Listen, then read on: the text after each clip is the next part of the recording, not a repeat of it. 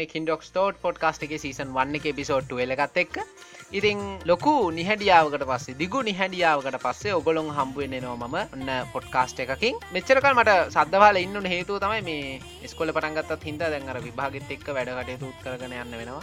එනිසා සේර බැලන්ස එක කරන්න යන්න ඕන නිසා ම පොඩ්කාස්ට එක ටික දවසකට අමතක කර. හොම වෙතත් ඔන්න අද පොඩ්කාස්ට එකක් කරගන්න අවස්ථාවක් හම්බුණා ඉතිං ඒ චාන්සක මම උපරිමේම ලබාගන්න සූදාන ඉතිං අනික අනික් විශේෂම කාරණය තමයි මේ එපිසෝඩ් එක මම මෙගා එපිසෝඩ් එකක් විදිර තමයි කරන්න ඉන්නේ. සාමාන්‍ය මගේ කලින් එපිසෝඩ් වලනම් මම එක මාතෘකාවක් වටා ඒ ගැන කතා කරානේ.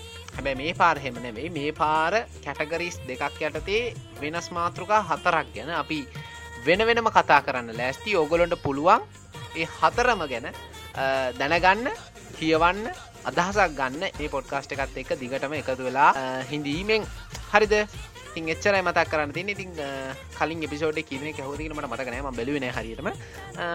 කොහොම වෙතත් අද අපි වැඩි කතා නැතුව අපේ ෆස් අපික් එක ගැන කතා කරනු ඒ තමයි ඉන්දියාවේ ඉතා ප්‍රසිද්ධ සම්භාවනීය නර්තන සම්ප්‍රදායක් ගැන. ඒ තමයි කතක් ඩාන්සක් ගැන. හෙනම් අපි කතක් නර්තන කලාව ගැන පුළුවන්තරමින් ඉගෙනග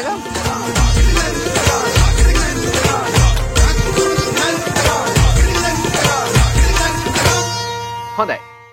කතක් නර්තන කලාවට මං පිවිසන්න කලින් මේ වචනේ අරුත් ගැන පොඩ්ඩක් අරුත් පැහැදිලි කිරීමක් මං කරන්නකෝ කතක් කියන වචනේ තේරුම තමයි කතකයා කියන අදහස. එම නැත්තං කතා කියන්න කතන්දර කියන්න කියන අදහස තමයි. හරිද? ඒක සංස්කෘත භාෂාවේ තියෙන කතික. එමනතං කතික් කියන වචන දෙකෙන් බිදිලාපු වචනයක් විදි තමයි මේ කතක් ඩාන්සකට මේ නම පට වැදිලා තියෙන්නේ. හරිද? තින් ඒ කාලෙ හිටපු හින්දු බ්‍රාහ්මණයට කතා කරෙත් මේ කතක් එමනත්තං කතික් කියන වචන දෙක පාවිච්චි කරලා කතක් කියන්නේ උතුරු ඉන්දියාවේ ඩාන්සිං ස්ටයිල් එක හත මේ හිස්ට්‍රිය එක ගැන කතාකරොත් මේ ඇතර මේ මෝගල් යුගය දක්වා. දිවයන මෝගල් අධිරාජ්‍ය කියන්නේ ආයිගම්. පට්ට ලෙවල්ලකින් ඉන්දයානිකන් සුපිරි තැනකට ගෙනාපු අධිරාජ්‍ය පවුලක්නේ. මෝගල් පවුලන මෝගල් වංශය.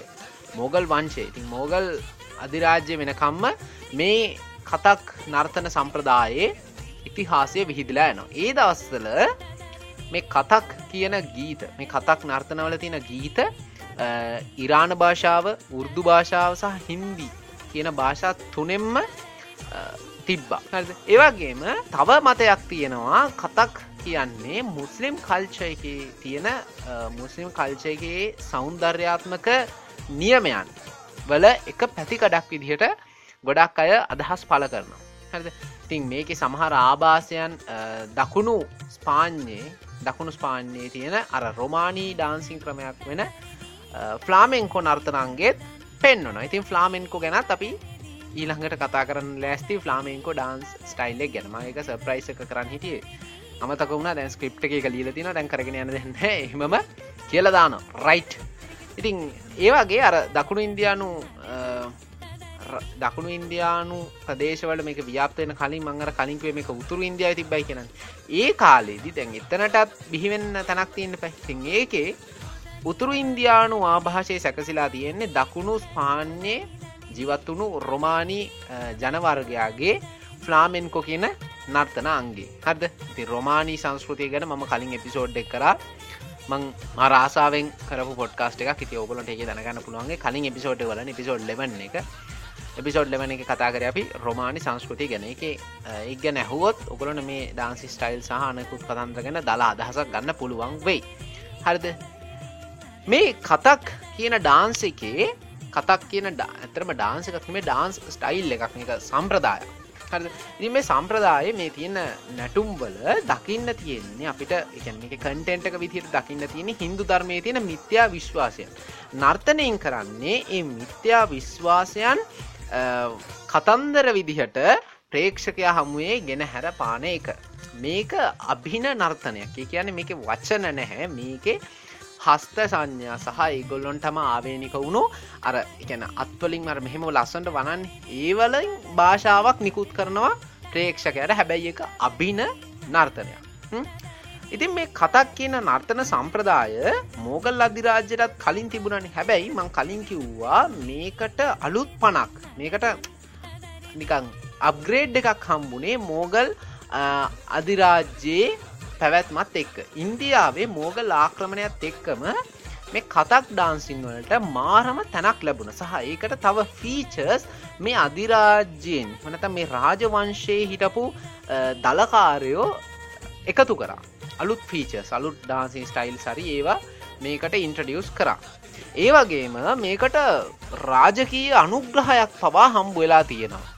මේ කතක් කියන ඩාන්සි ස්ටයිල් එකට සහ මේ සම්ප්‍රදායට රාජකීය වශයෙන් ලොකු ස්පොන්ස එකක්. ස්පොන්සරිං එකක් හම්බවෙලා තියෙනවා.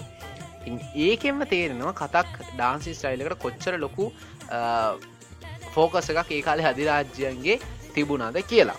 මෝගල්ලොරු අරමං කලින්කිවෝ වගේ මේකට ඩාන්සින් ස්ටයිල්ස් වගේ හදලා ඒගොල්ලොම ක්‍රියට් කරලා ඒවා ඉන්ටඩියස් කරා මේ නර්තන සම්ප්‍රදායන් වලට. කතක් ඩාන්ස් උගන්නන් ප්‍රධාන පාසල් දෙකක් අතීතයේ තිබ්බ. එකක් තමයි ලක්නව් ගරාන හරි ගරානා කියලා තමයි මේ ස්කෝල වලට හඳුන්වන්න. ස්කොලෝ හඳන්නන්නේ ගරානා කියලා. ඒ දවස්සල ඒවට ස්පොන්ස කරල තිනේවට අනුග්‍රහය දක්වල තියෙන මේ ප්‍රාදේශීයව පාලනය කරපු රාජකුමාරුන් එකක් තමයි අර මං ඔය කලින්කිවේ ලක්නව් ගරාන. හරිද? ඒක ඉගැන්නුවේ ඔය ටුම්රි කියන අර්ධ සම්භාව්‍ය ගන්නේ ආදර ගීත සම්ප්‍රදාය ගැන. ආදර ගීතයන් සහ ඒවගේ මානුෂීය හැඟීම් ගැන සෞන්දර්යාත්මකව රචනා වෙලා තියෙන ගීත සම්ප්‍රදායන් පිළිබඳ තමයි ඒ පාසල්ල උගන්නල තියෙන්නේ. අනිත් එක තමයි ජයිපූර් ගරාන ඒක ගැන්නුවේ මේ කතක්වල තියෙන බේසික්ම ටික. මූලිකම නර්තන ශිල්පීන් ශල්කදකැන් ශිල්පයන් ටික තමයි ඒ ජයිපූර් ගරාණවල උගන්නල තියෙන කොහොමත තව වර්තමානත් දැන් ගොඩාක් පාසල් බිහි වෙලා තියෙනවා. කතක් ඩාන්සකේ අංගයන් පහක් දකින්න තියෙන එකක් තමයි අමත්. අනිත් එක තාත්. අනිත එක ටුක්රා ටෝරා සහ පරාන් අනිත් එක නමයි පරහන් අනිතක නමයි තත්කාර් මේ වගේ අංගයන් පහක් දකින්න තියෙනවා. කතක් ඩාන්සින් වල ප්‍රධානම තැනක් උසුලපු කෙනෙක් තමයි පණ්ඩිත බිරජු මහරාජ් කිය එයා මේ මේ ඩාන්සිකේ උන්න තියෙන මේ ඩාන්සිකේ ඉම්පරූමන්ටවලට මාරිතයට ලොකු සපෝට් එකක් දුන්න. එයා ලක්නව් ගරානවල. එහමනත්තන් අර ආදරගීත සම්ප්‍රදාය ගැන අර්ධ සම්භාවය ගනේ ආදරගීත සම්ප්‍රදාය ගැන මේ උගන්නපු ලක්නව් ගරාණ එකේ ප්‍රධානාචාර වෙලා හිටියයි කියලා පොත්පත්වල සඳහන් වෙන. ඉතිං මේ කතක් නර්තන සම්ප්‍රදාය අදටත් අපිට ලංකාව පවා දකින්න ලැබෙන සමහර ඔය උත්සවල්දි කතක් ඩාන්සි නිවෙන්ට එකක් තියෙනවා. ස්පෝට් මිහිට්වල නැතුවාම නෙවීකෙන් ස්පෝට් මිටල අනිවාරෙන් තියන කියලා කිව්වොත් වැරදක් නෑ. කතක් ඩාන්සයක් අනිවාරයෙන් තියෙන මොකද ඒක තියෙන අමුතු ලස්සනක් සහ අමුතු අර අපිට අපිට තේරෙන අපිට නිකං නැටවෙන බීට් එකක් තියෙනවා. ඒවල තබ්ලා සහ ඒ අනිකුත් සිතාර් හෙම පාවිච්චි කරලා ලස්ස නර අපිටත් ගැලපෙන අර පිටත් නිකං කකුත් දෙක නැටවෙන් හිතන රසන මියසික් එකක් එක තමයි මේ කතක් ඩාන්සින් බිහිවෙලාතින් ඉතින් ඒ නිසාම අපිට කතක් ඩාන්සිනවල ලොකු ඇට්‍රක්ෂණ එකක් දකින්න පුළුවන් මේ දකුණු ආසියන් රටවල විශේෂයෙන්ම. ඉතින් කතක් ඩාන්සින් ෆ්ලාමෙන්කෝ කියන නර්තන සම්ප්‍රදායට සමානයි කියලා මම මතයක් ගෙනව තෝගොල එකට එකග වෙනවාද? ඔකොල්ල ඒකට එකග වෙනවාද නැද්ද? දැන් ෆ්ලාමෙන්කෝ කියන්නේ රොමානී සංස්කෘතියේ රොමානි ජනයාගේ රොමාවරුන්ගේ ප්‍රධාන නර්තන සම්ප්‍රදාය ඉතින් රොමාවරු බිහිවෙන්න කොහෙන්ද රොමාහොරු බිහිවෙන්නේ උතුරු ඉන්දියාව කතක් ඩාන්සින් කොහෙද බිහිවෙන්නේ උතුරු ඉන්දියාව හෙන උගුලන්ට පොඩි සමානකමක් තේරෙන් නැද යුරෝපයේ දැනට යුරෝපයේ නර්ථනාංගයක් වෙලා තියෙන ෆ්ලාමෙන්කෝ වලට මූලික පදනම බිහි වෙලා තියෙන කතක් ඩාන්සින් වලට කියලාබිට කියන්න පුළුවන් යුරෝපීයේ නර්තන සම්ප්‍රදායේ බොහෝ කලාවන් භාරතයෙන් ඇත ඉන්දියාවෙන් ආපු කලාවන් කියලා කියන්න පුළුවන්. මොකද යුරෝපය කියන වගේ රටවල්ලට හෙමර නර්තනය වගේ සෞන්දර්යාත්මක ලක්ෂණයන් ඒගොල්ලොන්ටම ඇතිකරගන්න මාර අමාරුයික මොකක්ද දන්න හේතු සහහිගොලොන්ගේ කල්චරකත් එක්කද දන්න එක වෙලා තියෙන්නේ. කොහොම වෙතත් යුරෝපය ගොඩක් ආට්ස් වලට ඉන්දියාව වගේ මේ මේ දකුණු ආසියනු රටවල ලොකු සපෝට් එකක් හම්බෙලා තින තරම එක් ගැන මේ විදතුන් ලොකු අදහස් පල කල තියෙන පොත්පත්වල එක ලියලත්තින ඔගලට පුලන් Google කල බලන්න හොල බලන්න. ඒ ගැන්න හරිද? ෆ්ලාමෙන්කෝ නර්තන සම්ප්‍රදාය ගැන අපි ඔන්න කතා කරන්න ලෑස්ති. හද ඉනාඩි දහයක් ගැන කතා ගැන කතා කරා. බල මේක පැයක් විතර යයි දන්න හරිද? ෆ්ලාමෙන්කෝ නර්තන සම්ප්‍රදාය ගැනක් තමයි කතා කරන්න ඉන්න. මුලින්ම අර කතක්වලට අපි වචනයට අර්ථයක් දුන්න වගේ ෆ්ලාමෙන්කෝ කියන වචනයට අපි අරුතක් දෙම්බල ෆ්ලාමෙන්කෝ කියන වචනයට තේරුම් දෙකක් තියෙන එකක් තමයි අහිකුන්ටකයෝ කියන අදහස්. අහිකුන්ටක අනිත් එක තමයි ෆ්ලෙමිෂ් කියන ජනවර්ගයට. තරම ෆ්ලෙමිස් ජනවර්ගය හඳුන්වන්නත් යොදල තියෙන නමක් තමයි මේ ෆ්ලාමෙන්කෝ කියලා කියන්න. තරම ගත්තොත් මේ ෆ්ලාමෙන්කෝ කියන නම ඇත්තරම මේ කියන කොහොමත් පාවිච්චි වෙලා තියෙන්නේ බෙල්ජියම් රාජ්‍යයේ බටහිරට සහ වයඹට අයත් වන ෆ්ලාන්ඩස් කියන ගමේ වාසය කරපු ෆ්ලෙමිෂියන් කියන ජනවර්ගයට යොදන ස්පාන්්‍ය නම තමයි ෆ්ලාමෙන්කෝ කියලා කියන්න. හද ඉති මේ ෆ්ලෙමිෂියන් ජනවර්ගය නෙදලන්තය භාෂාවේ සමීපතම භාෂාවක් කියෙන ෆ්ලිමිෂ් භාෂාව කතා කරනවා. සමහරයි කියන මේ ෆ්ලිමිෂ් භාෂාව කියන්නෙම ඕලන්ද භාෂාවයි කියලා. දැන් ඕලන්ද ආක්‍රමණයක් අපට ආවන ෆෙන්ස් පෘතුගීසි ලන්දේසි සහ ඉංග්‍රීසි. පුතුගීසි කියා ටපස ලන්දේසි. ලන්දේසි තමයි ඕලන්ද අය කියන්නේ. ලන්දේසි මනත නෙද ලන්ත ජාතිකයන් තමයි ඕලන්දය මේ ඕලන්දය ලංකාව ආක්‍රමණය කරට පස්සේ මෙහි ඉගොල්ලොන්ගේ දේශපාලනය සහ එකගොල්ලොන්ගේ පාලන පසුබිම් සකසද්දී ඒ මහතැංගල හිටපු කට්ටියගේ නම් ටික අරම් බැලූ හාම ඒගොල්ලො මේ ෆ්ලෙමිෂ් කියන ජනවර්ගයට බොහෝසයින් සමානයි කියලා ලෝක ප්‍රසිද්ධ විද්ධතුන් පවා අදහස් පල කරලා තියෙන ඒකෙම අපිට තවරු කරගන්න පුළුවන් මේ ෆ්ලෙමිෂ් කියන්නේම ඕලන්ද ජාතිකයන්ද කියන අදහස. යන්න එහෙම එහෙම එහෙම මතයකට අපිට එන්න පුළුව අන්න ඒ වගේ මොක්කරි මතයක් ගැන තර්ක කරන්න පුළුවන් එන්න ඕන. හැද කියන්නේ කවුරු හරි දෙයක් කිව්වෝත් දැමං වාට දෙයක් කිව්වොත් මොනහරි දෙයක් ගැන අහසේ අහසේ හඳක් තියෙනවා. ඒ හඳේ ආවාට තිය මං ආවාට තියෙනවා කියලා විතරයි වාට කියන්නේ. ඔයා මොකද කරන්නේ? ආවාට තියෙනවා. ඒ ආවාට තියෙන්නේ හාවෙක්ගේ හැඩේට කියලා ඔයා තර්කයක්ගේන මං මොකද කරන්නේ? තර්කය බිදින්න තව දෙයක්ගෙන හාවෙක්නේ මෙතන ඉන්න වෙන සතෙක් කියලා මම තවමාතයක්ගෙන අන්න ඒ වගේ යම්කිසි මතයකට ඒ මතයක් වටා බිහිවුණු තර්කමාලාවක් තියෙන්න්න ඕනේ අපි හැම කෙනෙක්ටම. එනිසා තර්කානුකූල වෙන මිනිස්සු හැමලේම ලොජිකලි හිතන්න. ලොජිකලි හිතුවත් අප ගොඩා ප්‍රශ්නට විසදුම් හාගන්න පුළුව එක ප්‍රශ්නකට එක විසදුමක් විතරක් නෙවිදින් එක ප්‍රශ්නකට විසදුම් සීය දාහක් දහ දහක් ලක්ෂයක් තියන්න පුල මිලියනයක් තියනොල විසඳ හරිද? එනිසා ප්‍රශ්න එකකට විසදුම් සීයක් තියෙනවන අඩුම තරමේ විසදුම් සීය විසදුම් දහයක් විස්සක්කොත් හොයාගන්න. ඒ විස්සම අර ප්‍රශ්නයට යොදල බලන්න. අනිවාරෙන් විසදන්න පුළුවන්. හරිද? ඒ අමතර කාරණාව මේ ෆ්ලාමෙන්කෝ කියන නම දැම් පාවිච්චි වෙන්නේ රොමාවරුන්ගේ ගායන සහ නර්තන විශේෂයන්ට. මේක උපත්තිය සිද්ධ වෙන්නේ දකුණු ස්පාන්නේ ආන්දාලු සීයා කියන ප්‍රදේශය. ආන්දාලු සීය. ආන්දාලු සීයා. සීහ උන සීය. ආන්දාලු සී නැහැනැහැ දකුණු ස්පාන්‍ය ආන්දාලු සීය කියන ප්‍රදේශයේ තමයි මේ ෆ්ලාමෙන්කෝ නර්තර සම්ප්‍රදාය බිහි වෙන්න පටන්ගත ඇතරම ෆ්ලාමෙන්කෝ ඉන්දියාව කතක් වගේම අවුරුදු ගානත් තිස්සේ එක එක සංස්කෘතියන් වලින් මොකක් දෙකට වචනයක් තියෙන සංස්කෘතින් කර එකට එකතු වෙච්ච කියන දෙකට අදහසක්? මක්කාරි සම්රිෂිත එක එක සංස්කෘතියන් වලින් සම්රිෂිත කලාවක් තමයි මේ ෆ්ලාමෙන්කෝ කියලා කියන්නේ. මේක ඉතිහාසයත් ඉන්දියාවේ ඉතිහාසය දක්වාම විහිදෙන ඉන්දියාව දක්වාම මේක ඉතිහාසය විහිදෙනවා.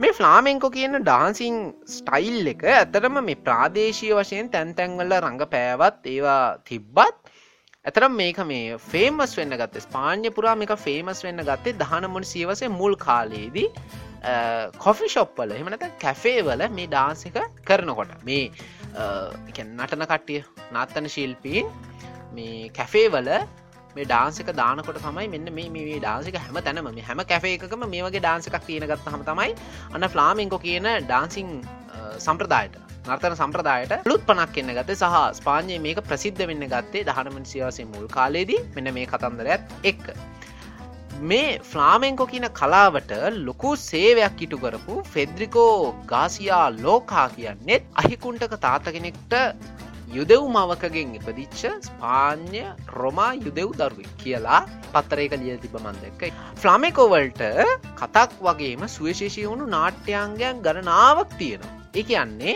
එක අංගයන් තියෙන අර අපි කලින් කිවන කතක් ඩාන්ස් ටයිල්ලකට තියෙනවනේ අංගයන් පහක් කියලා මේකටත් තියෙන ඒවගේ අංගයන් එකක් තමයි කන්තෝ කියලා කියන්නේ කන්තෝ කියලා කියන්නේ ගීතයට ෆ්ලාමෙන්කො ඩාන්සිකේ හදවත වගේ තමයි මේ කන්තෝ කියල ගීත හරිද? අනිත් අන්ගේ තමයි බයිලේ. වචනයටික හුරු පුරුදුයි වගේ. ලංකාවෙනම් මේ හඳුනට බයිල කියලනේ. මේකත් ඉතින් මේ ස්පාන්්‍ය පෘතුගීසින්ගෙන් ලංකාවට ආපු දේවල් තමයි. අපේ රටේ බයිල කියන වචනය අර්ථ දක්වන්නේ අර බයිල සිින්දුවටන. බයිලවලින් රට හොල්ලපු බයිල චැම්පියන්. ොලි බස්ටියන් කියන ොලි බස්ටිය තමයි ලංකා අම්මට සිරි බයිලා කල්චරක පට්ට විදිරගෙනාව ොලි බස්ටියන් තමයි ලංකාවට බයිලගෙන බොල්ලි බැස්ටියන් බයිලවලින් රට හොල්ලපු බහිල චැම්පියන්. එහෙම කියන්නේ. මට සිදු ගැන බෑහෙමලකොට හරිද? බොලි බැස්ටියන් තමයි ලංකාවට මේ බයිල කියන සම්ප්‍රදාය ටිකක් කියන පෘතුගීසි කාලෙඳලම තිබ්බා. හැබැයි අලුත් ලෝකෙට විසිවෙනි සතවර්ෂයහනම්බේදී බයිල කියන කල්චර එක ලංකාව තුළ ඇති කරන්න පටන්ගත්තේ බොලි බැස්ටියන් තමයි. යාට අපි ට්‍රිබුට් කරන්න ඕනේ ගෞරෝ දක්වන්න ඕන බොලි බැස්ටියන මේ වගේ ආතල් සෝන් කල්චරක ගීත සංස්කෘතියක් අපිට බිහි කර. ලංකාවට මේක දැන් අපේ බයිලස් කියන සම්ප්‍රදාය දැන්තියන ගීත කලාවක් ඉදින්න හැබැයි මේක ලංකාවට ආවෙත් නර්තනයක් විදිහට. පස්සේ මේක අපි අපේ විදිහට හදාගෙන එකන අපිට මාවේනික වෙච්ච බයිලා ශ්‍රී ලංකන් බයිලා. අන්න ඒ නම පෙරදැරි කරගෙන මේ බයිල සම්ප්‍රදාය ලංකාව තුළ ඉස්සරහට ගෙනනිච්චා අද අපේ මිනිස්සු පෘතුගීසින්ට බයිනවා ලන්දේසින්ට බයින ඉංග්‍රීසින්ට බයින ම පෘතුගීසින් ගැන කියන්න පෘතුගීසින්ට බයින ඇයිඒ බයින්නනේ උගල මතකතියා ගන්න ඒ මිනිස්සු ලංකාවට ආවේ නැත්තං ඕගොල්ලොන්ට හොම ෆුල් ආතල්ල එකේ එකනේ බයිලවලින් මොකක් හරි ලොකු ආතල්ල එකක් ගන්නවන ලොකු සතුරක් ලබනවනම් බයිලවලින්. බයිල සිින්දුවක් ඇහෙලා ඔයා නටනවන ඩාන්ස් කරනවන ඒ පෘතුගීසින්ට ස්තුතිවන්ත වෙන් ඒ මිනිසු ලංකාර මේක දුන්න නැත්තන් අපි හවාගන්න ගොඩාක් කාලකර පසන තාමත් හවාගනීද නැද්දිකි ලබි දන්නේන් ඒක නිසා හෙම කාටවත් එහෙම බයිනින් යන්න එපා. කිසිම ජාතිකට පෘතුගීසින්ට තරන්න කිසිම ජාතිකට හෙම හෙලා දකින්න යන්න එපා. ගොලොට බනින්න යන්න එපා. අද ලෝකයට ඕනේ ජාතීන් එක්වීම මිස ජාතින් වෙන්ඩිලා මරාගන්න නෙවෙයි. ජාතින් එකරිකට වෙන්ලා මරාගන්න නෙමේ යෝනේ. ජාතින් හැමෝම එකට එකතු වෙලා එක එක සෙට්ට එකක් විදිහට මේ ලෝකයේ තියෙන පැන්ඩමික් එකට ලෝකයේ තියෙන මේ වෙසනකාරී තත්වන්නට මුහුණ දෙන්න හැකියාවක් තියෙන් මම කියන්න ඒක තමයි. ජාති අපි හැමෝම එක්ම සිංහල මුස්ලිම් දෙමල බර්ගලා යාගම් බෙදාගන්න? මොකටද වැඩක් නෑන මේ ආගම්වට වෙන් කරන්න ප්‍රධානම මූලිකවුණු හේතු ම දකින විදිහට ආගම් මූලික කරගත පාසල් බිහිවීම. මෙහි ගතොත් හිදු පාසල් කියල කියයි මිහිගත්තු මුස්ලිම් පාසල් කියලගේ අනි පැත්තෙන් ගතු ක්‍රස්තියනි පාසල් කියයි සිංහල අපිත් දාගත්ත බෞද්ධ පාසල් කියල එකකුයි. එහෙම ආගම්වලට ආවේනික පාසල් කියල දෙයන්න හරි හැම ස්කෝලටම සම ආගම්වල සම ජාතිීන්වල බහු ජාති බහු ජාතින් බහුආගම් පිරිස් හැමෝම එකතු වෙන දැ ම යන පාසලෙන් ඇත්තටම මුස්ලිම් කෙනෙක් ඇත්තෙම නැති තර මම දන්න මම දන්න මම දැනුවත් තරමින් මුස්ලිම් කෙනෙ අපේ ස්කොලනෑ හැමිල් කෙනෙ අපේ ස්කොලනෑ ක්‍රිස්තියන් කිහිප දෙනෙක් ඉන්නවා. එහෙම මේ අර ආගම්වලට බෙදාගෙන මේ ස්කෝල කරගෙන යන්න එක එක මේ තේරුමක්ම නැති වැඩක්. ඒක ඒක මන් දකින්න හෙන අවුල් වැඩක් ඒක. අපි හැමෝම දැන් ආනන්ද නාලන්ද වගේ ගත්තොත් මුස්ලිම් අය ටැමිල්ල අය ක්‍රස්තියන අය සිංහලාය ජාති හතරමින්න එහෙමුණ හම් මොකද වෙන්නේ? අපේ යාලුවන ෆ්‍රෙන්න්සේ අපි එක ස්කෝල එක පන්දිය වෙනත් වෙනස් වෙන සාගම්බල හැද ගාත කියනකොට මම වැදගෙන ගාත ටික කියනවා. ආරය මෙහෙම මුස්ලිම් ළමයා මෙහම අත් දෙක මෙහිතියාගෙන ඔගල දන්නවනේ ප්‍රේ කරන ස්ටයිල් එක. මට එක පෙන්න්න බෑ. පොඩ්කාස්ට එක බිශුවල් නෑන ටැමිල් අය ඒ අදාළ ප්‍රේ කරන විදිහ ක්‍රිස්තියානය ඒ විදිහ එහෙම කරනවා. තින් ඒගොල්ල ඒගොලොන්ගේ ආගම අදහනව පන්තිය තුළ යාගමික වතාවන් තුළ ඒගොල්ලු අපේ යාලුවනේ ඒ නිසා අපිට ආගම් වශයෙන් මරාගන්න කොහොමටවත් හැකියාවක් නෑ බිකෝස් එගොල අපේ යාලුව අපේ යාලුවෝ වෙනස් වෙනස් ජාතින්වල ඉන්නවන ඒක මරු. ඒගොල්ලොන්ගේ ඒගොල්ලොන්ගේ ආගම්බල තියෙන දේවල් ඒවා මිත්‍යා හෝ නැතා හෝ ඒව ගන්න. හරිද? මේ කියනවන හත් හයවෙනි දවසේදී දෙවයා හා සමාන කෙනෙක් මැව්වාය හෙම කියලා. ඔගොල සිංහල මිනිහෙක්ට හිතනවා සහනෙක් මිනිහෙක්ට හිතනවා අපෝ මේ ක්‍රස්ටානි කියන්න හෙන බොරුවන්නේ කියලා. හෙම නෙවෙයි. එක බොරුණත් නැතත් ඒ අපට වැඩන්නෑ අපි දන්න මොකද තහවුරු කරගත්ත දේක දෙවිය වගේ මෙහම බිහිවුණේ නෑ කියල ඔය තහවුරු කරගත නෑ ඔය තහවුරු කරගත නෑ. හෙන වාට ඒක සහති කරන්න හැකියාවක් නැත. වායක සහති කරගෙන තිනවන එක වෙනම කතාව අටහෙම සහති කරගට බැරි නම් ඔයා ඒ බොරු දේ වුණත් ඔයා ගන්න. හැබැයි යවායක මේ ඔල්ලු උඩ තියාගෙන ඔලු ඉදිමුවගෙන ඒක සෙල්ලම් දාන්නන්න එපා. ඒ හැම ආගමකම තියෙන නියමයන් ධර්ම ධර්මතාමන් ගන්න. හරිද? ද පස්මහ බැලුම් ගත්තොත් පස්ම බැලුන්නේ සොරි මොකක් දෙක කියන්නේ? අර මේ බුදුරජාණන් වහන්සේගේ වම්මතෙන් ගින්දරත් දකුණු අතෙන් වතුරත් හෙම පිට වුණනා කියලා කියනවනි. හරි විනාගමක හිනෙක්ටන එක හිතාගන්න නමරු ඒ අර අපි විනාගමක් ගැන හිතන විදිහම තම ඒගලොන්ට අපි ගෙන හිතේ එන්නට අර අපි හිතනවානේ. එක බොරුන්න නෑ. බුදු හාමුදුරුව අපිට වඩා තැනකට ඉඳල තින නිසා උන්වහන්සේට මේක කරන්න පුළුවන් කියලා අපි හිතනවා. ඒ වගේ තමයි මිනිසුත් ඒක හිතනවා. නිසා හැම ආගමකම තියෙන කන්සෙප්ට එක ගන්න. කන්සෙප්ට කරගෙන ඔයා කල්පනා කරන්න. මේක මෙහෙම වෙන්න පුළුවන් මේක මෙහෙම වෙන්න පුළුවන්වා හිතන්න. තනින් හිත හිතල හිතලා ඔය අයට කියන්න යන්න ප මචම එක බොරුවක්. වා තරින් වාගේ ආගම වා මෙහෙටෙන් අර්කාමකවා අද ගන්න යන්න එපා. යායාගේ ආගම දහන්න යාගේ පවුල හෝ යාගේ පවුල් පිසුබිම හෝ යාගේ පවුල් පරිසරය හෝ ඒ ආගමනුව හැඩ ගැසිලා තින හින්ද. එකට වෙනස් කරන්න බෑ. යාකල්පමි වශයෙන් එක හදාගන්න ඕනේ. නිසා ඒ ආගම්මට වෙන්නච්ච පාසල්න්න තේරුමක්ම නෑ. වගේ පාසල් වලින් වෙන්නේ තවත්තර ළමයාව එක ආගමකට කොටු කරගෙන ඒ ආගම ඇතුළ යට සෙල්ලන් දාන්න ඉඩ දෙන එක. සෙන් පීටස් බර්ගයයි සෙන් සෙන්ත් සාන්ත කියන නම පාවිච්චි කරන ඊට පස්සේ අනි පැත්තෙන් මුස්ලිම් පාසල් ගන්නවා අල් කියලා වචන වාචි කල්ලා දෙමලෑ පටන් ගන්නවා. ඒ පැත්තෙන් නමක් පරගෙන සිංහල පටන් ගන්න බෞද්ධ පාසල් අර්කම එකයි කියලා බෞද්ධ පසල් කෙන ආනන්ද නාලන්දන දැන් හොමත් සිංහල ඒ බහු ජාතීන් බහු ආගම් පවතින ස්කෝලන. ආනන්ද නාලන්ද ඒ කොළඹ තියෙන ස්කෝලටික එහෙමයි. ඒ බහුආගම් බහු ජාතිීන් තියෙන ස්කෝල්. ඒ ස්කෝලවල ඉගෙනගත්තුවයි මරාගන්නෙත් නෑ. ඇයි මර ආගම් හැමෝම එකවට එකට ඉන්නවා. ඒගොලොත් එක පිස්සු කෙරගෙන ඒගොලොත් එක හිනාවගෙන අපි ඒගොලොත් එක ආතලක ඉන්න එනිසා අප අපිට එහෙමර තව ආකල්පයකි දෙන්න මූ මගේ යාලුවා මට මුගෙන් වැඩ මුස්ලිම් කියන්නේ මෙහ මහ චාටර් ජාතියක්. මෙහනම් මේ මගේ යාලුවත් මුස්ලිම්ට වූ අතරල දාන්න හිතෙන්නේ ඇර යාලුව වුණහම නිසා අපි හැමෝම එකට එකතුවම ජාතිීන් අනු අපි හැමෝම එකට එකතුවම ආගම් අනු අපි හැමෝම එකට එකතුවම එක එක සෙට්ට එකක් ඉදිට මේක තියෙන මේ ප්‍රශ්නවලට විසදුම් හොයමු. රයිට් එක අමතර කතාව එකවන් ගොඩාක් දුර ගියා. ෆ්ලාමෙන්කො ඉන්න ඩාන්සගේ මංගර කලින් කිව්වර බයිලා කියන සම්පදාය බයිලා කියන අන්ගේ බයිලේ බයිලා නෙවෙයි බයිලේ මේ බයිලය කියන අන්ගේ ප්‍රධාන කොටස් තුනක් තියෙනවා. එකක් තමයි ග්‍රාන්දය අනිත් එක ඔොන්දෝ.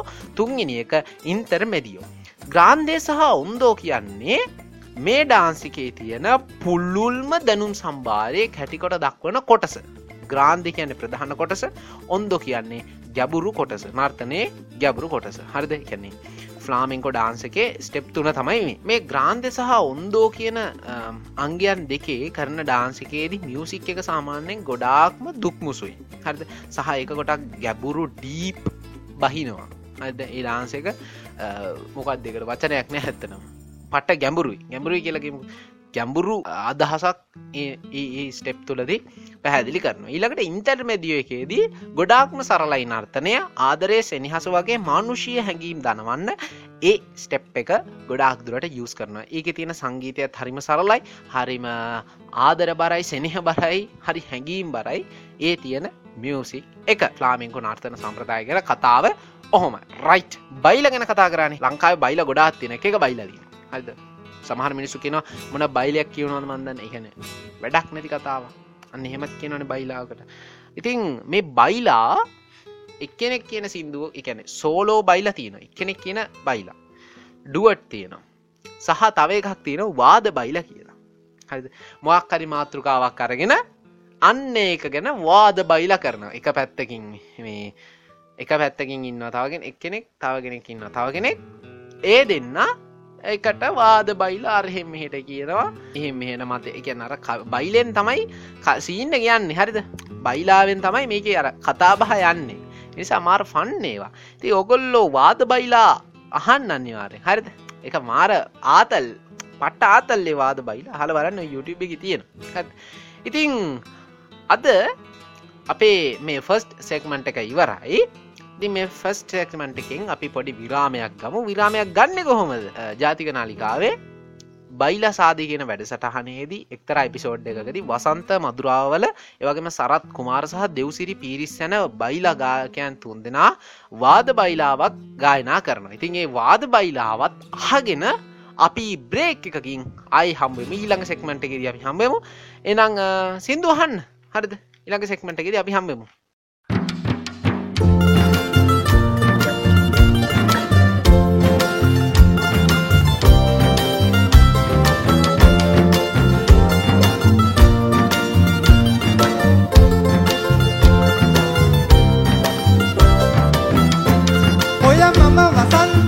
රාවල ගම කවුඩාන? යම රැකගෙන හැම තැන දිනුවනේ කුසලාන? අඳුර සොබා විකයි කල් එනක් තුල. ඕලු නෙළුම් මල් පිපුනද පිතුරු ගස්වල. දැත්ත පුරා පෙන්නල පරසිද්ධ දයාව මේ දැත්ත වදින්නට යනවද පුත්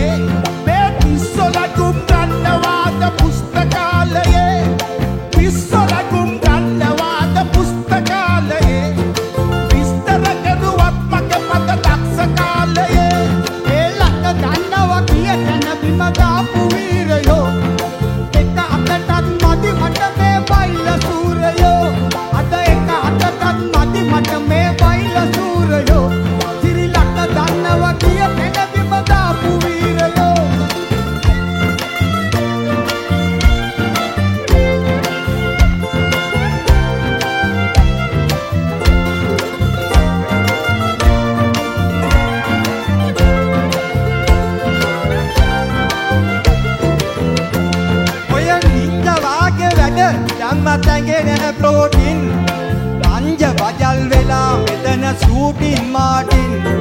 පංජ බජල් වෙලා මෙතන සූටින් මාටින්. නින්ජවාගේ වැඩ දැම්මත් නැගෙන ප්‍රෝටින් ඒ දෙසුවක් මත සත්‍ය තමා පසු කර යන්න. මේ වසු පැට උඩ දෙන්නවද මගේ ඔසු පැල කන්න මේ වසු පැට උඩ දෙන්නවද මගේ ඔසු පැල කන්න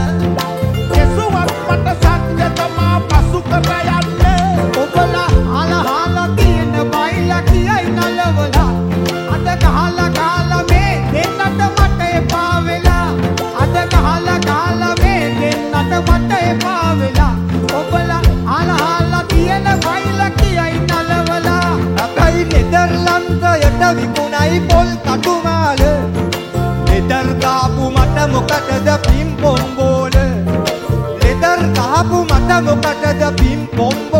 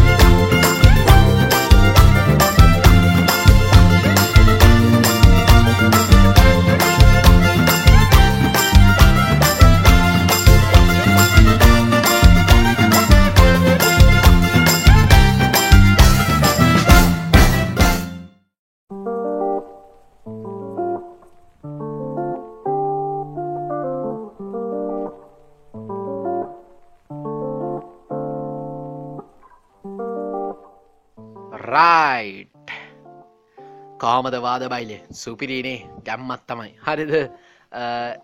ඉතින් අලුත් සෙක්මට එක තමයි ඇවිලා තින්න අපේ නෙක්ස්ට් සෙක්මට එකට.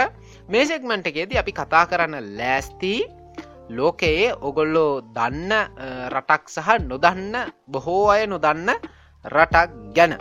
අපි දන්න රට ගැන ගුලිම කතා කරමුක. ඒ තමයි මාල දිවයින්න මාල දිවයින මාල දිවයින ගැන අපේ ඔළුවේ තියෙන මොකක්ද අදහස? හල් ලස්සන රටක්. අ, කසාද බැන්දට පස්සේ හනිමූන් යන්න සුපිරි රටක්. හ්ම්? ම්, පට්ට රටක් කියලනි. ගැන පට ලස්සනයි. දූපත් තියෙන හල් ලස්සන රටක් කියලා මාලදි වෙන හරි අන්නේ අදහස තම ඔගොළොඟ තියෙන ඒ කාලේ මාලදිවේනට දෙමලින් කියලා තියෙන්නේ මාල් දිව් කියල්. සංස්කෘත භාෂාවෙන් මාලාද්වීප කියලා හඳුන්නල තියෙනවා. අද වෙනකොට මාලදිවයිනි කියන්නේ ඉස්ලාමික රාජ්‍යයක්. හැබැයි ඒක කලින් බෞද්ධ රාජ්‍යයක්. මාලදිවෙන්වල දූපත් ඇත්තටම කොරල් පරවලින් තමයි හැදිලා තියෙන්නේ. වගේම ගර්ම කලාපීයතෙත් පරිසරයක් තමයි මාලදිවේනේ පුරාම දක්නට ලැබෙන ගර්ම කලාපී කියන්න සමකයට ආසන්න සමකාසන්න රටක්. ඒ නිසා අව්ව වැැස්සගෙන දෙකම ලංකා වගේම කලයිමෙට් එකක් තමයි මාලදිවෙනෙත් තියෙන්නේ. ආසන්නව දූපත් දෙදහක් දෙදස් දෙසීයක් අතර ප්‍රමාණයක් මාලදිවේනට අයිති වෙලා තියෙනවා. වාර්ෂික උෂ්ණත්වය ෆැරන්හයිටන්සක අසුවක් විතර. වාර්ෂික වර්ෂාපතනය මිලිමීටර් එක්දහස් පන්සියක් විතර. මැයි සහ නොවම්බර් කාලෙට තමයි මාලදිවෙනට හොඳටම වහින කාලෙ මාලදිවෙනේ ජනගහනය සාමනෙන් තුල්ලක්ෂ පනස් දහක් විතර වෙනවා. මේක ඉන්න ජනයා ඉගැන මාලදිවේනට මේගේ ජන සංක්‍රමණය ජන සංක්‍රාමණය සිද්ධ වනේ සිංහල හින්දු අරාබිස ආප්‍රිකානු කියන මුල් ජනකොටස් වලින් තමයි. ඉන්න සේරම මිනිස්සු සුන්නි මුස්ලිම්. සුන්නි මුස්ලි කියන මුස්ලිම් වල තිනානේ අර අ, කුල දෙකක්. ශ්‍රියා මුස්ලිම් සහ සුන්නි මුස්ලිම් කියලා.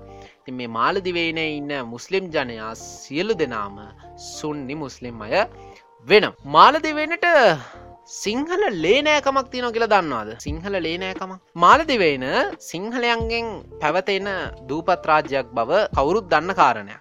එක භාෂාව වෙන දිවෙහි භාෂාව. දිවෙහි භාෂ දෙවෙහි බස කියලා තමයි එක භාෂාව හඳුන්නන්නේ මේ දිවෙහි බස අරම් බැලුවොත් ඒකේ පෙරදින ඇදහිලි ක්‍රමය වුණු බුදු දහම ගැන බැලුවත් එක කලින් තිබ්බ දිවෙහි අක්ෂර ගෙනල්ල බැලුවත් අපිට ඒ සිංහල භාෂාවත් එක්ක තියෙන සම්බන්ධය හොඳාකාරයෙන්ම දකින්න පුළුව ඒ අකුරු අපේ සිංහල අකුරු වගේම තමයි. දිවෙහි බසේ දැම් පවතින අකුරු ඒ කියන්නේ දිවෙහි අකුරු දැන් දැන් වෙනත් ස්වරූපයක් අරගෙන තියෙනවා. දැන් ඒවල හැඩරුව හරියට අරාබි අකුරු වගේ. හරිද? ඒක නමත් දැන් වෙනස් කරලා තියෙන්නේ. හරි කලින් සිංහල භාෂාව තියන අකුරු හැඩේටම ඒ හැඩේටම යන ගැන හැඩෙම්ම ලගින්ම යන අක්ෂර මාලාවක් තමයි දිවෙහි බස. එමනතම් දිවෙහි බස අයත් මාල දිවෙන අයිති වෙලා තියෙන දිවෙහි අක්ෂර හඳුන්වන්නෙත් දිවෙහි අකුරු විදිහට දැනට එක තියෙන සිංහල නෑකම කියන්නට ඉදිරි වෙලා තියෙන වදන් අරම් බැලුවෝ මේක තියෙන වදන් අපේ රටේ තිබ සිංහල භාෂාවේ අනුරුවක් විදිර තමයි දකින්න පුළුව එක කියන්නේ අපේ රටේ සීගිරියුගේ වගේ යුගවලදී සිංහලයන් අතර භාවිතා වුණු වචන වැලක් බව. දැන් අපි දිවෙහි සහ සිංහල වදන් කිපයක් බලමුකු. දිවෙහි භාෂාවේ රුක් කියලා කියන්නේ අපේ පොල් ගසට. යාලු මීහුන් කියලා කියන්නේ සිංහල ජනතාවට. එමනත යාලු මිනිස්සුන්ට තමයි යාලු මීහුන් කියලා කියලකින් ගැන්නේ මාලදිවෙන් වාසින් ශ්‍රී ලංකය කියන්න හඳුන්නල තියෙන යාලු මීහුන් කියන නම පාවිච්චි කල්ලා තිං බලන්න එක තියෙනවා ලොකු කම්බිනේෂන එකක් ලොකු සම්බන්ධයක් තියෙනවා. භාෂාවත් එක්ක සිංහල භාෂාව ලොකු සමානකමක් තියෙන අපේ අමරදේව මහත්‍යයද කොහෙද මේ මාලදිවෙන ජාතික් ගියට මියසික් කම්පර්ස් කරේ. මන්දන්න තරමි මාලදවේනේ ප්‍රධානම ජීවනෝපාය තමයි දීවරසා සංචාරක ව්‍යාපාර සංචාරක ව්‍යාපාර තමයි ප්‍රධාන වශයෙන්ම තියෙන මොකද කසාද බැදල හනිමූන් යන සෙට්ටක යන්නෙත් එහෙට වැකේෂන් එකකට යනවනං හෙම පවුල කට්ටියත් එක් යනවනං හෙම ගොඩා කට්ටිය මාලදිවයට තමයි යන්න. මොකද මාලදිවෙන් හරි ලස්සන රටක්. සහ ඉගොල්ලෝ සංචාරක ව්‍යාපාරයට ලොකු ෆෝකස එකක් දෙනවා. මොකද ඒගොල්ලෝ සංචාරක ව්‍යාපාරයෙන් තමයි බහුතරයක් ජීවත් වෙන්නේ. කොරල් සහ බෙල්ලං ආශ්‍රිත කර්මාන්ත එවගේම සීෆුඩ් එවගේම ඇගොලුම් කර්මාන්ත අනිත් ජීවනෝපායන් විදිහට පවති නොම එක ප්‍රධානම කෘෂි බොහෝගේ තමයි පොල්. තැන පෙත්තිරල පොල්. එගොලොන්ගේ පොල් තියනවා. ඒ පොල් වලින් ඒගොල්ලො හදන්න නැති දෙයක් නෑ.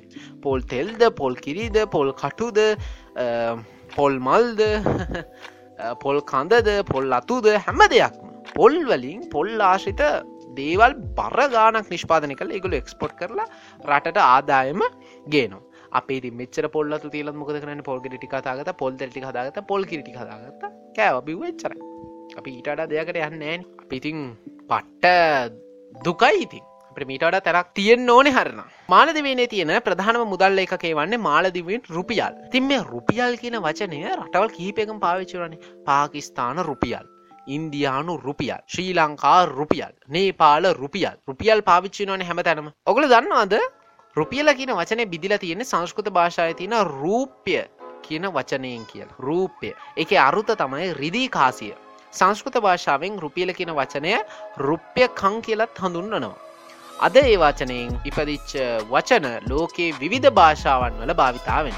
සිංහල භාෂාව දෙමළ භාෂාව හින්දි මරාටි ගුදරාති අරාබි රුසියානු උරුදු මැලි ඒවගේ ඉන්දුනිසියනු භාෂාවේ සහ මාලදිවෙන් භාෂාවෙන් මේ රුපියල කියන වචනය හඳුන්නනවා. ඉන්දුනිසියානු රුපියා රුපිය කියලමයි හඳුන්නන්නේ ඉන්දුනිසියාවේ මුදල්ලේකකි. රුසියාවේ රූබල් රූබල් කියන වචනේ රුපියලෙන් බිදිලාපු වචනය ලෝකේ රටවල් බරගානක මේ රුපියල කියන වචනය පාවිච්චි කල නැතම මේ රුප්‍යකං කියන වචනය පාච්චි කරලා ඒ ගොල්ලොන්ගේ මුදල් ලේකකයන් නිර්මාණය කරගෙන තියෙන මාලදිවේනේ දේශපාලනමය පසුබිම ගැන කතාකරොත් මාලදිවේන ඇත්තටම මාලදිවේනක් කරන්න ලොකුම වෙහෙසක් ගත්තේ සහ වැඩිම වාරයක් ජනාධිපති බවට පත්වනේ අබ්දුල් ගයුම් මහතා එයාට මුල්කාලෙ ප්‍රශ්නයක් තිබ මේ හිරගෙදර සංකීර්ණයක් එක්ක මේ පොඩි අරියස එකක් තිබ කොහමර ඒවද විසදිලා තියෙන් අබ්දුල් ගයුම් අධ්‍යාපනය ගත්ත ශ්‍රී ලංකාවෙන් ඊට පස්සේ තමන්ගේ රැකියාව සඳහයා නයිජීරියාවට ගමන් කළ තියෙන.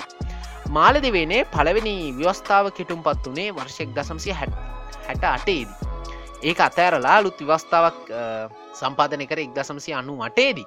මාලදිවේනේ දේශපාලය ප්‍රධාන භූමිකාමත් මල් මජ්ජිලේෂය එමනත්තං මජ්ලිෂය කියන්නේ මේ ව්‍යස්ථාදායක සභාව. මාලදිවෙන ව්‍යස්ථාදායක සිභාව තමයි මජ් ලිසය කියලා හඳුන්වන් මාලදිවයින ඉතිහාසමය කතන්දරය.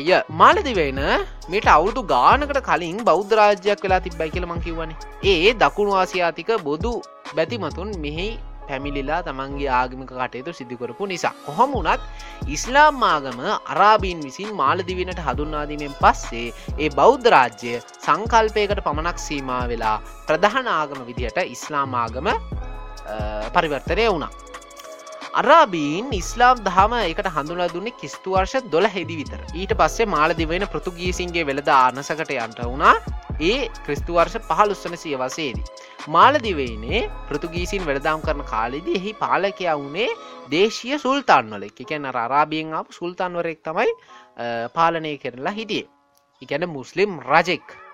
ඊට පස්සේ අනෙත් යුරෝපීය බලමුළු මේ මාලදිවෙන වටා එක්රොක් වුණා ඒ අතර ඕලන්දය බ්‍රිතාන්‍ය ඉස්සරම හිටිය. ටොප් ලාස්ම හිටිය. ඒ දාහත්තන සියවසය අතර කාලයේදී. එක්ද සටසි අසු හතේ ඉඳලා මාලදිවෙන නිල වශයෙන් බ්‍රිතාන්‍යය භාරකාරරාජ්‍යයක් බවට පත් වුණා. අවුරුදු බරගානකට පස්ස එක්දා සම්සි හැට පහේදී අවුරුදු සියකට ලංවෙන්න අවට පස්සේ බ්‍රිතානයගෙන් නිදහස ලබා ගත්තේ සුල්තාන පාලන රාජ්‍යයක් ලෙස. එකන සුල්තාන්වරයෙක් මේක පාලනය කරන්න. අපි මේකෙන් යන්නන් කියලා හිතාගෙන ඉංග්‍රීසි මේ රටෙන් ගිය. මෙරටෙන් කියන මාලදිවේ.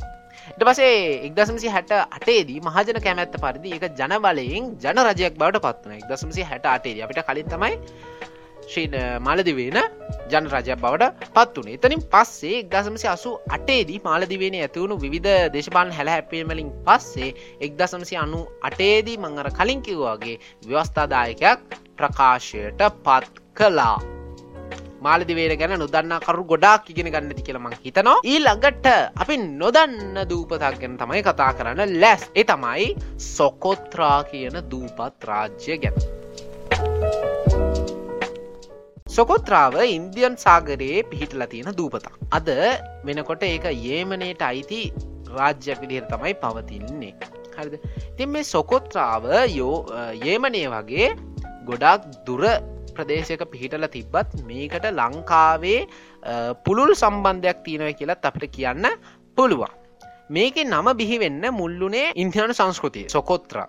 තීර නිකන් ඉන්දියන් ටයිප් නම් ඉන්දියන් ටයිප් වගේ කිය ලොගලට හිතනව නන්නේ එක තමයි. එම හිතෙන්න ඕන. හරි මේක නම බිහිවෙන්න මුල්ලුනේ සංස්කෘත භාෂාවේ වචනයක්. ඒ තමයි දවීප සකාදරා සකාදරා කියන්නේ ප්‍රීතිමත් වාසස්ථානය කියන අදහස. අරාබි භාෂාවෙන් සොකොත්‍රාදිවෙන්න හඳුනට තිබේ මුල් කාලිදි සුකුට්රා කියල සුකුට්‍ර ඒමනට කිලෝමට තුන්සිය හතලියක් විතර ගිනි කොන්න දෙසට වෙන්න තමයි මේ දූපතතින් හරි ලස්සන දූපත. සොකොත්‍රාවට තවත් දූපත් තුනක් අයිති වෙනවා. එකක් තමයි සම්භහක් අනිත් එක දර්සා ඉල්ලා ඉක්වාන් අනිත්තක තමයි අබ්ද අල්කූරි. මේ සේරම දූපත් මහද්දීප ප්ලාවිතයකට කලින්. එකන අපි දන්නවන දැ ලෝකයේ රටවල් හැම එකක් මර ගොන්වානාලන්තේ කියලන මේ ලෝකයේ මුලින් හැදුවේ මහද්වීප ප්ලාවිතයකට කලින්. මහද්වීප වෙන් වෙන්න කලින්. තිං එහෙම තියෙද්දී මේ දූපට්ටික අප්‍රිකාවේ ප්‍රධාන වීමට සම්බන්ධ වෙලා තිබ්බයි කියලා විද්වතුන්ගේ මතයක් තියෙනවා. අර අර මිනිස්සුන්ගේ ඇපියරන්ස එක සහහි කරුණු කතන්දරත් එක් අපිට එක හිතාගන්න පුළුවන්. සාමාන්‍ය විශාලත්වය මේකේ වර්ග කිලෝමිට තුන්දස් හයිසියක් විතර වෙනවා. ලංකාවට හෙන පොඩි. ලංකා හැටමන්ද සයිසි දහ ඇත්තේ තුන්දා සයිසීය. ඉන්දයානු ඉතිහාසය සඳහන් විදිහට මේක ඉදලා තියෙන්නේ මුලින්ම ක්‍රිස්තියන් අය. ප්‍රකාවෙන තිබිලද එතකොට අර මුස්ලිම් කියන ආගම වැඩී ලොකුවටම දියුණුවෙලාන්න කොහමාරි දාහත්තන සතවර්ශය මුල් භාගයේදී ඒ ආගම ඉවත් වනා හේතුව ඒමනේ කැන ඒමනේ මහරටේ සුල්තාන්වරෙක් පාලනයට ආවේ. නිසා දාහත්තන සතවර්ශයේ මැදභාගයේදී විතර සොකොත්‍රාදිවයිනේ හිටපු ජනයා මුස්ලිම් ආගමට හැරුණ. පස්ස එක්දස්මන්සිය හතේදී පෘතුගීසින් තොකොත්‍රාවට ගහලා ඉට පස්සේ ඉංග්‍රීසින් එක්දා සරජ අසුවදි ගැහුව. පස්සේ සුල්තාන්ලා ඉංග්‍රීසින්ලත් එක්කම කද කරේ? පොඩි ඇග්‍රිමෙන්ට් එකකටාව ඕගොල්ල පාලනය කරන්න. හැබැයි අපිටත් පාලනය කරන්න දෙන්න ඔගොල්ලෝ අපිෝ බලාගන්න ඕකේ කියලා සුල්තාන්නුරු කිව්ව. හරි එහෙම ගිවිස්ම කත්සං කරලා කොහමරි එක ඇපරෝඩ් වෙලා මේ රටට නිදහස ලැබුණා. වර්ෂ එක්දස් නමසය හැට හතේ සොකොත්‍රාදිවෙනගෙන ඔගලට බලන්න පුළ යුටුබ එක විස්තර තියෙනවා. බ්ලොගස්ලා කිහිප දෙනෙ කරපු වීඩියෝ සුත්තිබමන් දැක්ක. කොහොම වෙතත් ඕගල්ලෝ අද මාර් දේවල් ටිකක් ඉගෙන ගත්තයි කියලා මං හිතනවා. නාත සම්ප්‍රදායන් දෙකක් ගැන මං හරි ආසය කතක් ඩාන්සොල්ට තිං එක තියෙනවර අර බීට්ක නිසාම තම මං එකට ආස. ඕනම කොල්ලෙක් කැන කෙල්ලන්ට සාපේක්ෂව කොල්ලු සිින්දුවලට ආස කරන්න එක තියෙන බීට් එකත් එක් එක තියෙන රිදම් එක අම්මට සිරි සෙට්ටනවන සිින්දුව මොකක්ද වනේ සිින්දුව කුණුහර පෙන්න්නවේ සිින්දුවේ. සම්භාවනය වචන තිබත් බීට් එක අර වගේ නම් බීට් කර අපිට ඇඟට සෙට්ටන බීට් යන්න අනිවාරෙන් ඒ සිින්දුව හිට්ටන කොල්ලො අතර එක හිට්ට එක සාමාන්‍ය දෙයක්. කර අපේ මානසිකව තියෙන මොකක්කරි සුශිෂිතාවයක් තමයි.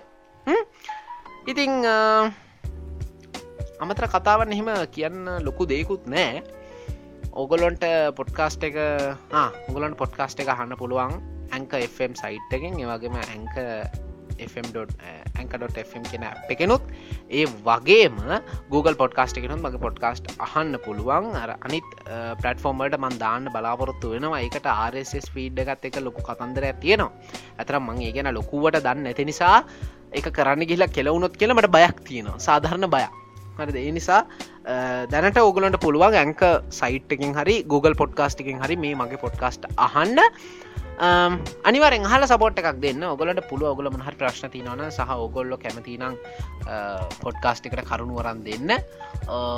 ඇන්කම් අපේ ඔගල දෙන ොයිස් මසජස් කියලා. අන්නතන්න කියලා ොයිස් මසජ් එකක් ගන්න මං අනිවාරෙන් එකට රෙස්පොන්් කරන්න. අනිවරම විස්ට්‍රගම් ෆලෝ කරන්න.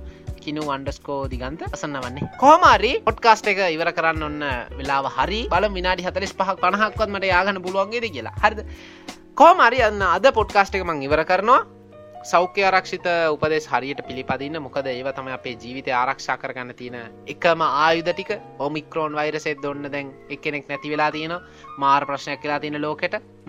එනිසා අනිවාරයෙන් පරිස්සං එන්න වෛරස් එකෙන්. මොකද ෆෛරස් නෙමේවා. නෑ මෙවා හැදුරොත් එම මැරෙනවා. හරි බෙහෙතකුත්තාම මෙහෙම හරි හරි හවාගෙන ඉන්ජෙක්ෂන් හවාගත්තට ඒ නිසා මට පොඩ සෙම වගේ කොරෝන නෙවේ බයින්නවා හරිද? දැමිනිහ කිවිසුවත් කිවිසුමක් කැරියත් කොරුණ කියලනේ හිත ඉතින් එක සාධාරණ මිනිහට එක හිතෙන එක. හරි කොහොම වෙදත් පොඩ්කාස්ටික් ඉවර කරනවා. වැඩි කතා උන්න ඔගොලොගරි කඩේ ටික නාස්ති කරනවා මත් හෙනල් ලබන සතිී සොරි ලබන සති එන්න පුළුවන් නැදදි කියලමදන්න නිකම් බොරු කියලමට පවපුරෝගන්න හරිද? ඊළඟ පොඩ්කාස්ට එකෙන් කියලා අපි මෙහෙම ඉවර කරමු. හරිද? ඊළඟ පෝඩ්කාස්ටිං අපි හම්බමු සෞඛ්‍යරක්ෂිත උපදෙස් පිළිපදින්න මූආවරණ පලදින්න මීටරේ දවස්ථාව තවා තවාගන්න ලගේ මතපය සෝදන් හැම්බෙලේම සැටයිස එකක් ලඟ තියාගෙන අත සැනිටයිස් කරගන්න. ඒ දේවල්කර තොගලන් පුළුවන් ඔගල පරිසංගල ඔගල පවුලය පරිසංගල ඔගල ගමේ අය පරිසංගල ඔගලොන්ගේ මුළු රටම පරිසං කරගන්න. හරි තිගේ මතක් කිරීමත් එක්ක අද අපි පොඩ්කාස්ට එකම සංකරනවා එහෙනම් ඊලක පොඩ්කාස්ට එකෙන් අපි හම්බමු. පරිසමින් ඉන්න ජයවේවා. පයි